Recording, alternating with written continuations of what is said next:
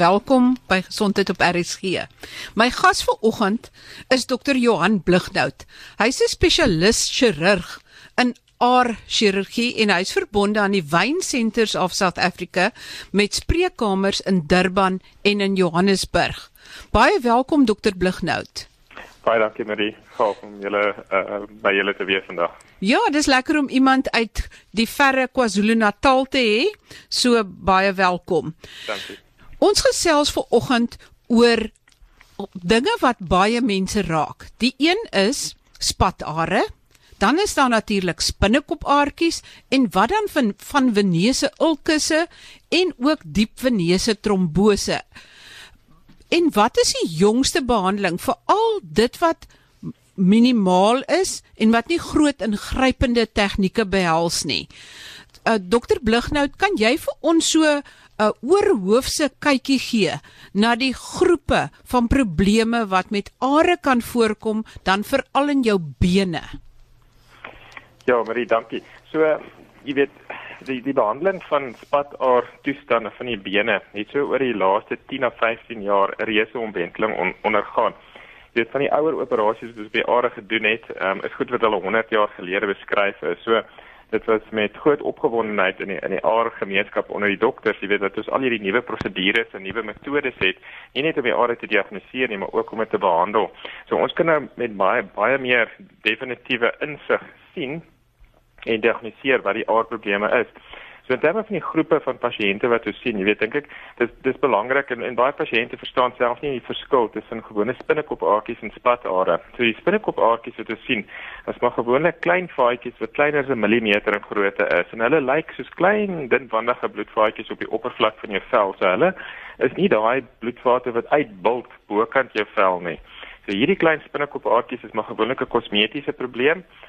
Teen die ouderdom van 50, uh rapporteer hulle dat dat ongeveer 50% van mense sal hierdie klein spinnekopaartjies hê. En die behandeling daarvoor is dan maar gewoonlik skleroterapie of 'n oppervlakkige laser en ons sal later 'n bietjie terugkom by dit. Uh en en dit is 'n kosmetiese behandeling. So dit het geen mediese nagevolge nie. Jou bene gaan geen skade ly nie. Dis maar gewoonlik 'n kosmetiese probleem. Dan die tweede groep pasiënte wat ons sien, dis pasiënte met spatare. Jy weet dit is daai dik uh uh bloedvate bloedvate wat opstaan bo die oppervlak van jou vel en hulle dit is nie gewoonlik 'n mooi reguit lyn nie. Hulle is daai gekronkelde bloedvate. So baie keer as eh, mense sien of pasiënte dit sien, jy weet reg terug staan en half geskok wees oor die voorkoms van hierdie are want oor tyd met gravitasie en met die drukking in daai are word hulle al hoe groter en groter en groter.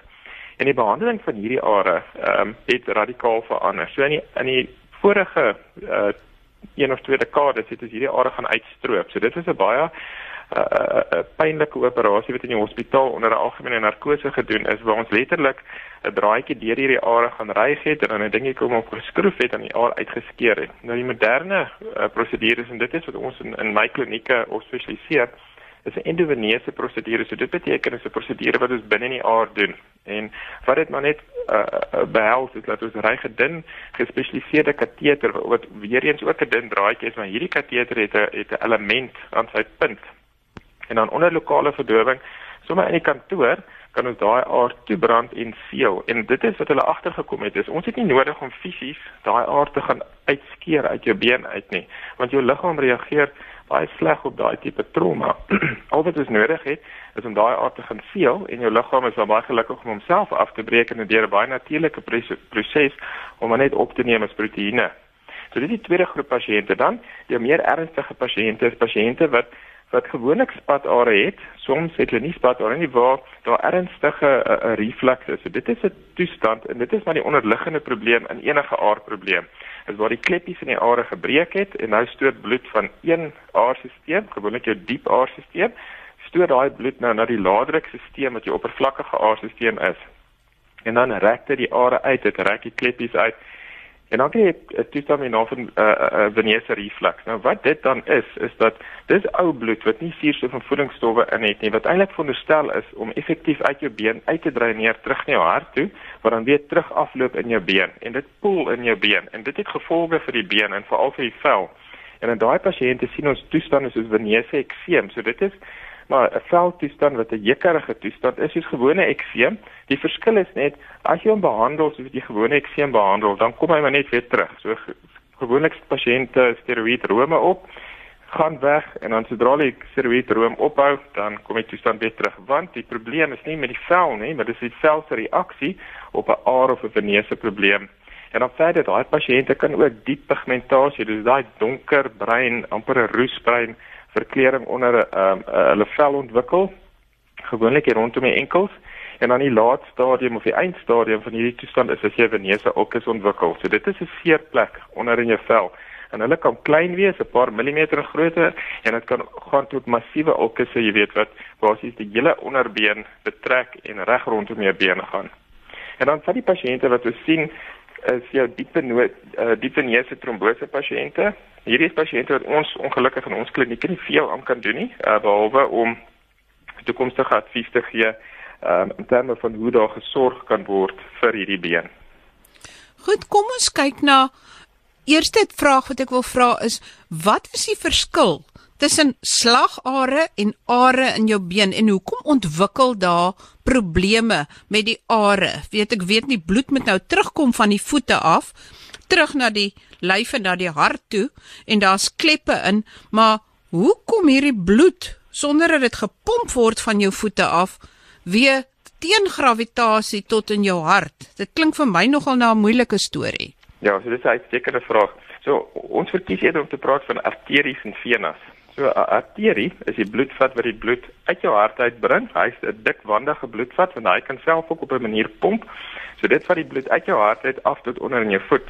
En dan 'n vena is die aar wat die bloed van jou voet af terugvat na jou hart toe. En dit is 'n dun wandige bloedvaatjie en hulle kan dan maklik uittrek en beseer raak. Nou, wanneer jou hart saamtrek, dan pomp hy die bloed baie effektief tot onder in jou voet, tensy jy nou vernouing of iets het. En wanneer die bloed in jou voet arriveer, jou hart pomp nie die bloed terug na homself toe nie. So hy pomp dit net af tot onder in jou voet. En die manier hoe die bloed uit jou voet uit terugkom by jou hart, is dat in jou voet het jy spiere wat in kompartemente is en daai kompartemente kan nie rek nie. In dieselfde anatomie is in jou laarbeen en dan in jou dui. So wanneer jy loop, dan trek jou spiere saam en dit verhoog die drukking in daai kompartement en dan hierdie aartjies of, of venas, hulle loop ook deur daai kompartemente. So en hulle is die die die swakste en die dunwandigste strukture in die kompartement. So wanneer die spier saamtrek, dan word die aar toegedruk en dan druk dit die bloed in in in een of ander rigting of op of af. En die rede hoekom dit opgaan is omdat daar klein kleppies in die are is. So soos jy loop en jou spiere trek saam, word die bloed dan effektief opgepomp uit jou been uit totdat dit in jou buik kom. En wanneer dit dan in die groot bloedvaat in jou buik kom, dan word dit soos wat jy asemhaal met jou longe en jou borskas gaan oop en toe word daai bloed letterlik ingesuig in jou hart in. So dis die meganisme hoe dit terugkom. Nou vir dit om effektief te werk, het jy nou daai twee komponente nodig. Jy het 'n spierpomp nodig, so jou spiere moet saamtrek en dan het jy eenweg kleppies in jou are nodig. So daar probleme met enigiets van daai twee stelsels intree, dan kan jy verwag om 'n probleem in die are te ontwikkel. Nou die die mees algemeenste ding wat ons dan sien, is wanneer daar 'n probleem met die kleppie in die are intree. Wanneer daai uh kleppie breek vir al die bo in jou lies, dan begin die bloed van jou diepstelsel wat onder hoë druk is in daai oppervlakkige stelsel in te stoot en dan gravitasie doen aan die reg van res want die bloedvloei draai dan om. So in plaas van dat die bloed effektief uit jou been uitvloei met jou spierpompe, begin pomp jy spiere om nou op te bo in jou lies en dan vind hy 'n plekjie om te ontsnap want hy wil nie verder opgaan in jou hart nie en dan ontsnap dit in jou oppervlakkige are in en nou begin die bloed weer af te loop in die oppervlakkige are in en soos wat dit afgaan, verhoog dit die druk dit skeer verdere kleppe en so raak die probleem al hoe erger en erger soos wat tyd aangaan en um, dan lê dit letterlik soos 'n vet wurmpie so onder jou vel. Korrek. So dit dit is dan die begin dan die nagevolge raak van jou van jou uh van die venese inkompetensie is dat daai aar wat gewoonlik die kleppies het wat breek, dis gewoonlik die een wat so seer sigbaar is op jou been nie. Die spatare is die deel wat sigbaar is. Nou daai spatare is gewoonlik van die groter takke van die aar waarin die kleppies gebreek is. So watter are of venus maak julle dan reg of behandel julle dan? Die oppervlakkiges of die diepes? Ja, so die die diep are is die are wat ons nie vir jou aan kan doen nie. Jy weet daar is al verskeie operasies ehm um, bespreek en beskryf, maar ons jy weet dit mees van die tyd werk dit nie. Daar is probleme met dit en dit is nie 'n operasie wat oor die algemeen gedoen word nie. Die are wat in terme van spatare herstel word, is jou oppervlakkige are en ons noem hulle die groter safena uh uh vat en die kleiner safena vat. So daar's een wat jy uit jou lies uit loop tot onder in jou voet en dis die groter een en die korter een loop van agter jou knie tot agter in jou hakskeen. En dit is die twee are wat ons spesifiek na kyk in terme van behandeling. Soos daar 'n ommekeer in die bloedvloei is, dan weet jy daai bloedvat het 'n probleem en dit is die een wat ons dan moet behandel. En die manier waarop ons dit vasstel is tydens 'n ondersoek in die kantoor en ons doen ehm, 'n um, kleur duplex ultraklank op die been. So dit beteken ons het 'n ultraklankmasjien, selfs soos jy weet wat swanger pasiënte voorgaan. So ons kan die anatomie van die aar sien. So eerstens kan ons sien of daai aar vergroot is of nie, want 'n gewone klein aartjie behoort nie 'n probleem in te hê nie, maar as daai aar vergroot raak, dan weet ons daar's 'n probleem. Iets is besig om hierdie aar uit te rek. En dan die tweede toets wat ons doen, is om fisies na die vloei in die aar te kyk en ons kan dit doen met ons duplex ultraklankmasjiene wat ons dan wys, jy weet, is die bloed besig om op te vloei na die hart toe, maar dis wat jy verwag om te sien, of is daar 'n ommekeer in daai bloedvloei dat daar wel bloed is wat afvloei na die voet toe. So gebaseer op daai twee uh, punte kan ons dan sê dat daai area 'n probleem in en dit is dan geskik of nie geskik vir behandeling nie. Dokter Blighnout, hoe lank duur die behandeling? Is dit 'n uh, een enkel sessie of moet die pasiënt 'n paar keer terugkom? Hoe hoe werk dit? Ja, nee, so daai die prosedure wat ons dan spesifiek is padare doen, noem ons noem ons 'n endovenese radiofrekwensie ablasie. So wat dit maar net is, is 'n kateter wat ons gebruik in die tegnologie daaraan verbonde is radiofrekwensie, amper soos mikrogolfenergie. So die punt van die kateter raak verhit basies deur 'n tipe van wrywing. So daar's geen uh, elektriese stroom wat deur die pasiënt vloei nie. Dit is alles in die kateter. Sy punt word maar net warm. Nou, dit word in die kantoor gedoen. Uh, ons daai kateter word ingeryg onder lokale verdowing en dan soos wat ons hom uittrek, brand en seal ons die aard toe en op die einde word die kateter heeltemal uit die pasiënt verwyder. En on, en dit kan ons dan op 1 aard, 2 aard, 3, 4 are doen. So dis al daai behandeling vind in een sessie plaas. Ons deel dit nie oor verskillende sessies nie. En die behandeling duur so ongeveer 20 na 30 minute. Soms, jy weet, baie komplekse gevalle is miskien tot en met 40 minute. Maar die punt is, dit word alles onder lokaal gedoen en na die tyd staan die pasiënt op, ons sit 'n verband of 'n kous om die been of om albei bene en die pasiënt kan uitstap en heeltemal 'n normale dag hê na die tyd. Ek moet vir jou sê die uh, behandeling wat die ehm um, aar uitgeruk word was altyd nogal vir my het altyd vir my baie traumaties geklink dat jy iets so uit die been uit kan ruk en weet waar dit loskom het ek my altyd verbeel waar daar moet bloedings wees en iets iets wat geruk word en uitgeskeur word kan tog nie so oulik wees nie. Jy jy is heeltemal reg jy weet en en wat gebeur is is dat daai aar jy weet lyk nie soos 'n tuinslang nie. So hy het nie net een opening aan die bokant en een opening aan die onderkant nie. Daai aar het verskeie klein takkies wat binne in hom invloei So wanneer jy die aar uitskeer, dan skeer jy al daai klein takkies af en dit is ook waar baie van die komplikasies vandaan gekom het want daar was gewoonlik geweldig bloeding na die tyd. Daai pasiënte het 'n baie hoë risiko vir bloedklonte in die been gehad na die tyd. En dan die probleem is is dat ek weet ek verduidelik altyd vir my pasiënte as jou vinger uh, raak sny die manier hoe jou liggaam dit genees is om klein nuwe bloedvaatjies in daai wond in te groei wat suurstof en voedingsstowwe in die wond invat en so genees die wond dan tot hy heeltemal toegegroei het.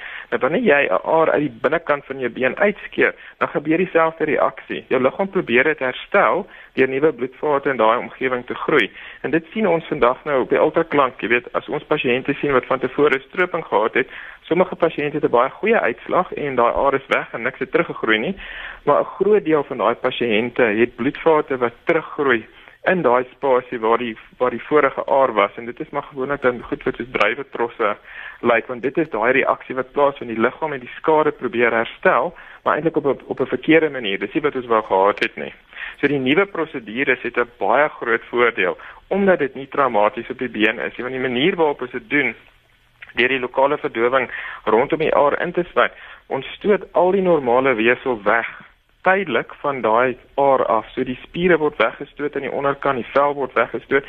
So ons het net die aar met die kateter binne hom met 'n mooi laagie vloeistof reg rondom hom. So wanneer die aar toegebrand word, dan is daar geen skade aan die omliggende weefsel nie. En dis hoekom hierdie pasiënte dan wanneer hulle uitstap, het hulle feitelik geen pyn nie want daar was geen kollaterale skade aan enige van die weefsels nie. Dokter Blighnout, as hierdie in die die bloed moet moet mos nou teruggaan in die van die voet af op na die liese kant toe. Nou as hierdie are nou weg is, doen het dit enige belemmering op die terugvloei van bloed uit die voet terug na die hart se kant toe? Nee, glad nie. So en daai argument is eintlik die teenoorgestelde hoe jy daarna moet kyk want daai daai bloedvat wat nou wat se kleppies nie meer werk nie. Daai bloedvat vat nie die bloed terug na jou hart toe nie. Hy veroorsaak dat die bloed in die verkeerde rigting vloei na jou voet toe. So om hom toe te maak, herstel jy die probleem. So jy verbeter jou sirkulasie. So jy vat nie enigiets weg deur die aard toe te maak nie. Jy gee eintlik iets terug en wat jy teruggee is normale sirkulasie in jou been. En as jy dit glad nie behandel nie, kyk, dis 'n toestand wat baie stadig oor tyd progressief is. Ons klassifiseer spataar siektes in 6 verskillende stadiums. Baie keer as pasiënte inkom net eenvoudig met spatare met geen ander simptome en velverandering nie, is jy maar op stadium 2 van daai klassifikasie en die eindstadium stadium 6 is waar jy venese ulcus kry.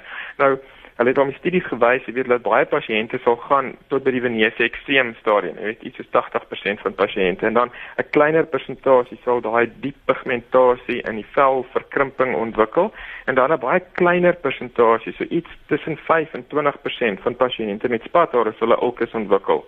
So dit is 'n toestand wat wat oor tyd versleg, maar dit is nie iets wat weet oor 'n week of oor 'n maand versleg en dit is baie jare wat dit neem vir, vir daai uh, effekte om in te tree. En dit is ook maar verskillend op verskillende stadiums in ons lewe, jy weet, soos ons baie ou pasiënte, pasiënte ouer as 80 sien ons gereeld, hulle kom in met bloeiende spatare. So in daai pasiënt, jy weet, wil jy niks kosmeties bereik nie, maar jy wil die pasiënt verlig dat hy nie elke keer as hy bad of stort 'n bloeiende aar het nie. Is daar spesifieke pasiënte wat 'n hoër risiko het om spatare te ontwikkel? Ja, jou hoogste risiko maar is 'n familiegeskiedenis. So as jy een ouer het wat spathare het, is daar 'n goeie kans dat jy ook spathare kan ontwikkel. Ons verstaan ongelukkig nog nie die presiese oorerwingspatroon nie. As jy twee ouers het wat altyd spathare het, is die kans uitstekend dat jy ehm um, as 'n kind ook sou spathare het. So dis maar jou grootste risiko. Dan die ander bydraende risiko's is is al jou beroepe wat lang ure staan. Jy weet en ek seker enige haarkapster of 'n uh, verpleegsuster of onderwyser kan vir jou dit sê. Jy weet en, en die rede daarvoor is maar net omdat hulle vir lank stil staan in in een plek. Dit sit baie drukking op daai kleppies in jou bene. En in sommige pasiënte waar die kleppie nie sterk genoeg is nie, sal hy breek en dan eventueel 'n uh, 'n uh, spataar ontwikkel. En ook in daai professies wat lank staan, hulle presenteer ook maar oor die algemeen met erger of slegter spatare as iemand wat nie daai lang ure staan nie. En dan swangerskap. Ehm um, in ons vroue pasiënte want uh, swangerskap gedurende swangerskap het jy rolweg 2 liter ekstra bloed uh, wat sirkuleer vir jou jou venas, jou are, hulle rek oop om daai ekstra bloed te akkommodeer. So tydelik raak al jou klippletjies inkompetent. Nou in sommige pasiënte gaan daai aar nie weer heeltemal terug na sy kompetente staat toe nie en dan ontwikkel daai pasiënt 'n spataar wat dan nie weggaan na die tyd nie. Goed, dan jy het nou ook nou net nou verwys na venese ulkusse, die ekseem, die pigmentasie. Hoe sal jy dit behandel? Hoe behandel mens dit? Is daar 'n uh, eenvoudige antwoord of is dit nogal kompleks om dit weer genees te kry? Ja, so pasiënte met venese ulkusse en dan gevorderde velveranderinge, dis belangrik dat daai pasiënte werklik deur 'n spesialis gesien word wat spesialiseer in hierdie tipe toestande. Die belangrike ding weer eens wat maar deur studies gewys is, is dat in 70% van venese ulkus gevalle is daar 'n spesifieke aar reg bo kan daai venese ulkus waar die kleppie gebreek is. So hulle het gewoonlik meer as een kleppie wat in die been gebreek is en met die ultraklank soek ons na al daai areas waar daai kleppies gebreek is want al daai are individueel moet behandel word. So as jy net byvoorbeeld die die aar uit die lies uit behandel, maar jy vind nie daai een laar af in die been nie, dan gaan jy die liesaar toemaak, ehm uh, maar die elkes gaan nie gesond word nie want daai onderste aar wat spesifiek die elkes veroorsaak, hy is dan nie aangespreek nie. So in terme van venese elkes is soek ons die aarprobleme van die onderkant af op en nie van die bokant af af nie. So en en om daai rede die behandelings wat ons toepas is verskillend. Jy weet ons kan 'n kateter gebruik om 'n deel van die aar toe te brand. Ons gebruik ook 'n chemiese skuim wat ons in die are inspuit om ander dele van die aar uh, toe te maak. In meer komplekse gevalle waar daai lekkende aar agter jou ulkus verbyloop waar dit 'n groot ulkus is en jy kan nie regtig 'n naald deur die ulkus druk nie en dit is ook nie 'n skoon omgewing nie. Daar kan ons weer 'n baie nuwe tegniek gebruik waar ons gom inspuit in die aar. Ehm um, so dis dit dit hang absoluut van pasiënt tot pasiënt af. Maar meeste van van die tyd, jy weet, wanneer 'n pasiënt met 'n ulkus in die been presenteer, 70% van die tyd is dit as gevolg van 'n aardprobleem. So ons moet maar net gaan vind waar daai aardprobleem is en dan die korrekte behandeling daarvoor toepas. En wanneer daai aard toemaak, kry ons redelik goeie resultate in terme van om die ulkus te genees. Maar ek sê al die pasiënte, die beste uitkoms wat jy kan kry is dat daai ulkus nooit weer terugkom nie. Maar die meer algemene geval is daai ons gee die pasiënte 'n lang breek tussen episodes waar hulle ulkusse kry.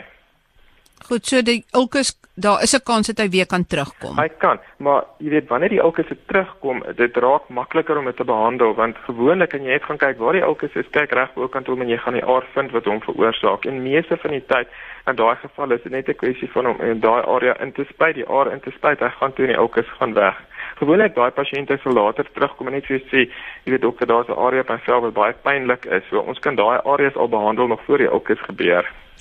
Goed, dan het jy genoem van die spinnekopaartjies wat baie oppervlakkig is en kosmetiese behandeling nodig het. So met die kort tydjie wat nog oor is, wil ek hê ons moet gou kyk na diep veneuse trombose.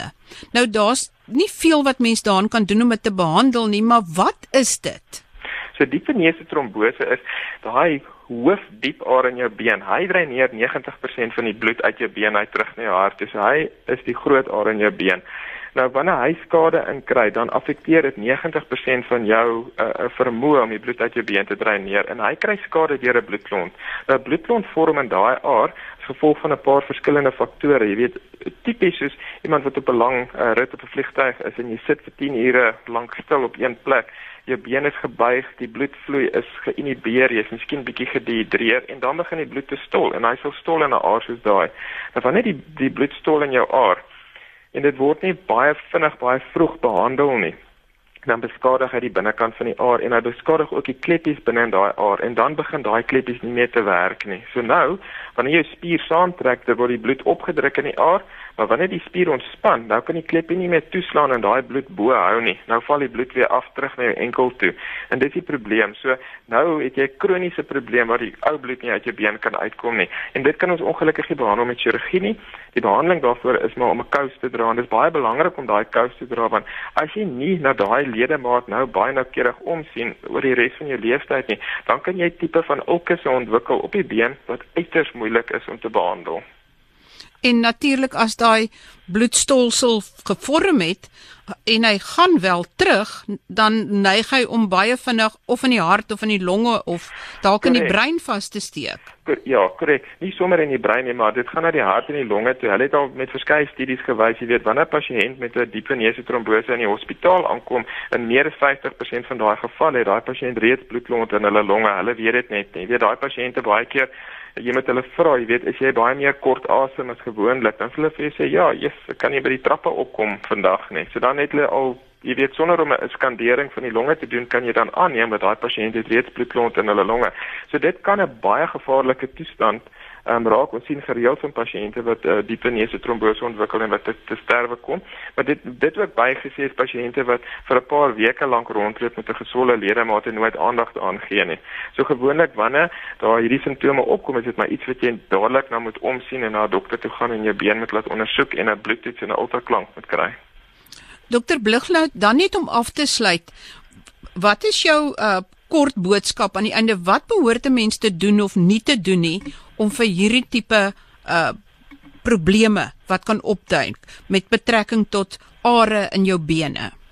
Ag ek so dink ek jy weet uit 'n baie algemene oogpunt vir jou aar gesondheid en dan ook vir jou hele liggaam se gesondheid. Dit gaan stap elke dag vir 30 minute. Jy weet meeste mense kan dit doen. Dit is nie vat nie baie uit jou dag uit nie. So probeer om 150 minute 'n week lank te gaan stap en jy moet vinnig genoeg stap om liggies te sweet. Jy weet dan kry jy die waarde uit dit uit. En dis net wat ek sê nie die wêreldgesondheidsorganisasie sê ook so.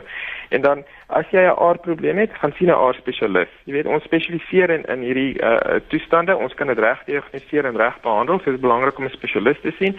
En dan met ulkus as jy ulkus op jou been het, is dit baie belangrik om 'n aardspesialis eers te sien want 70% van die tyd is hierdie goed venees. Jy weet en dan mos jy nie tyd om by die behandeling uit te kom nie. En dan dis uiters belangrik om die venese trombose te voorkom want ons kan nie veel daaraan doen as dit reeds gevorm het na die tyd nie en voorkoming van die veneestrombose daar's jy weet 'n uh, organisasie so Stop the Clot jy weet waar jy meer inligting rondom dit kan dit kan kry. En ook op ons uh, eie webtuiste by www.wynsurgery.co.za het ons ook van daai inligting op die webtuiste. Ek sal die skakels daarvan ook op ons webblad sit by RSG Baie baie dankie aan dokter Johan Blighnout. Hy's 'n venese chirurg en hy spesialiseer in die behandeling van aarprobleme, venese probleme in die been, soos wat ons nou bespreek het. En hy praktiseer in beide Durban en Johannesburg. Baie baie dankie dokter Blighnout. Ek waardeer jou insette. Baie dankie Marie. Ek groet dan tot volgende week. Ek gesels volgende week met professor Tes van der Merwe en ons gaan probeer om belangrike inligting in terme van insulienweerstandigheid en die inname van sekere kosse en hoe dit in jou liggaam werk te dekodeer. Tot volgende week dan. Totsiens.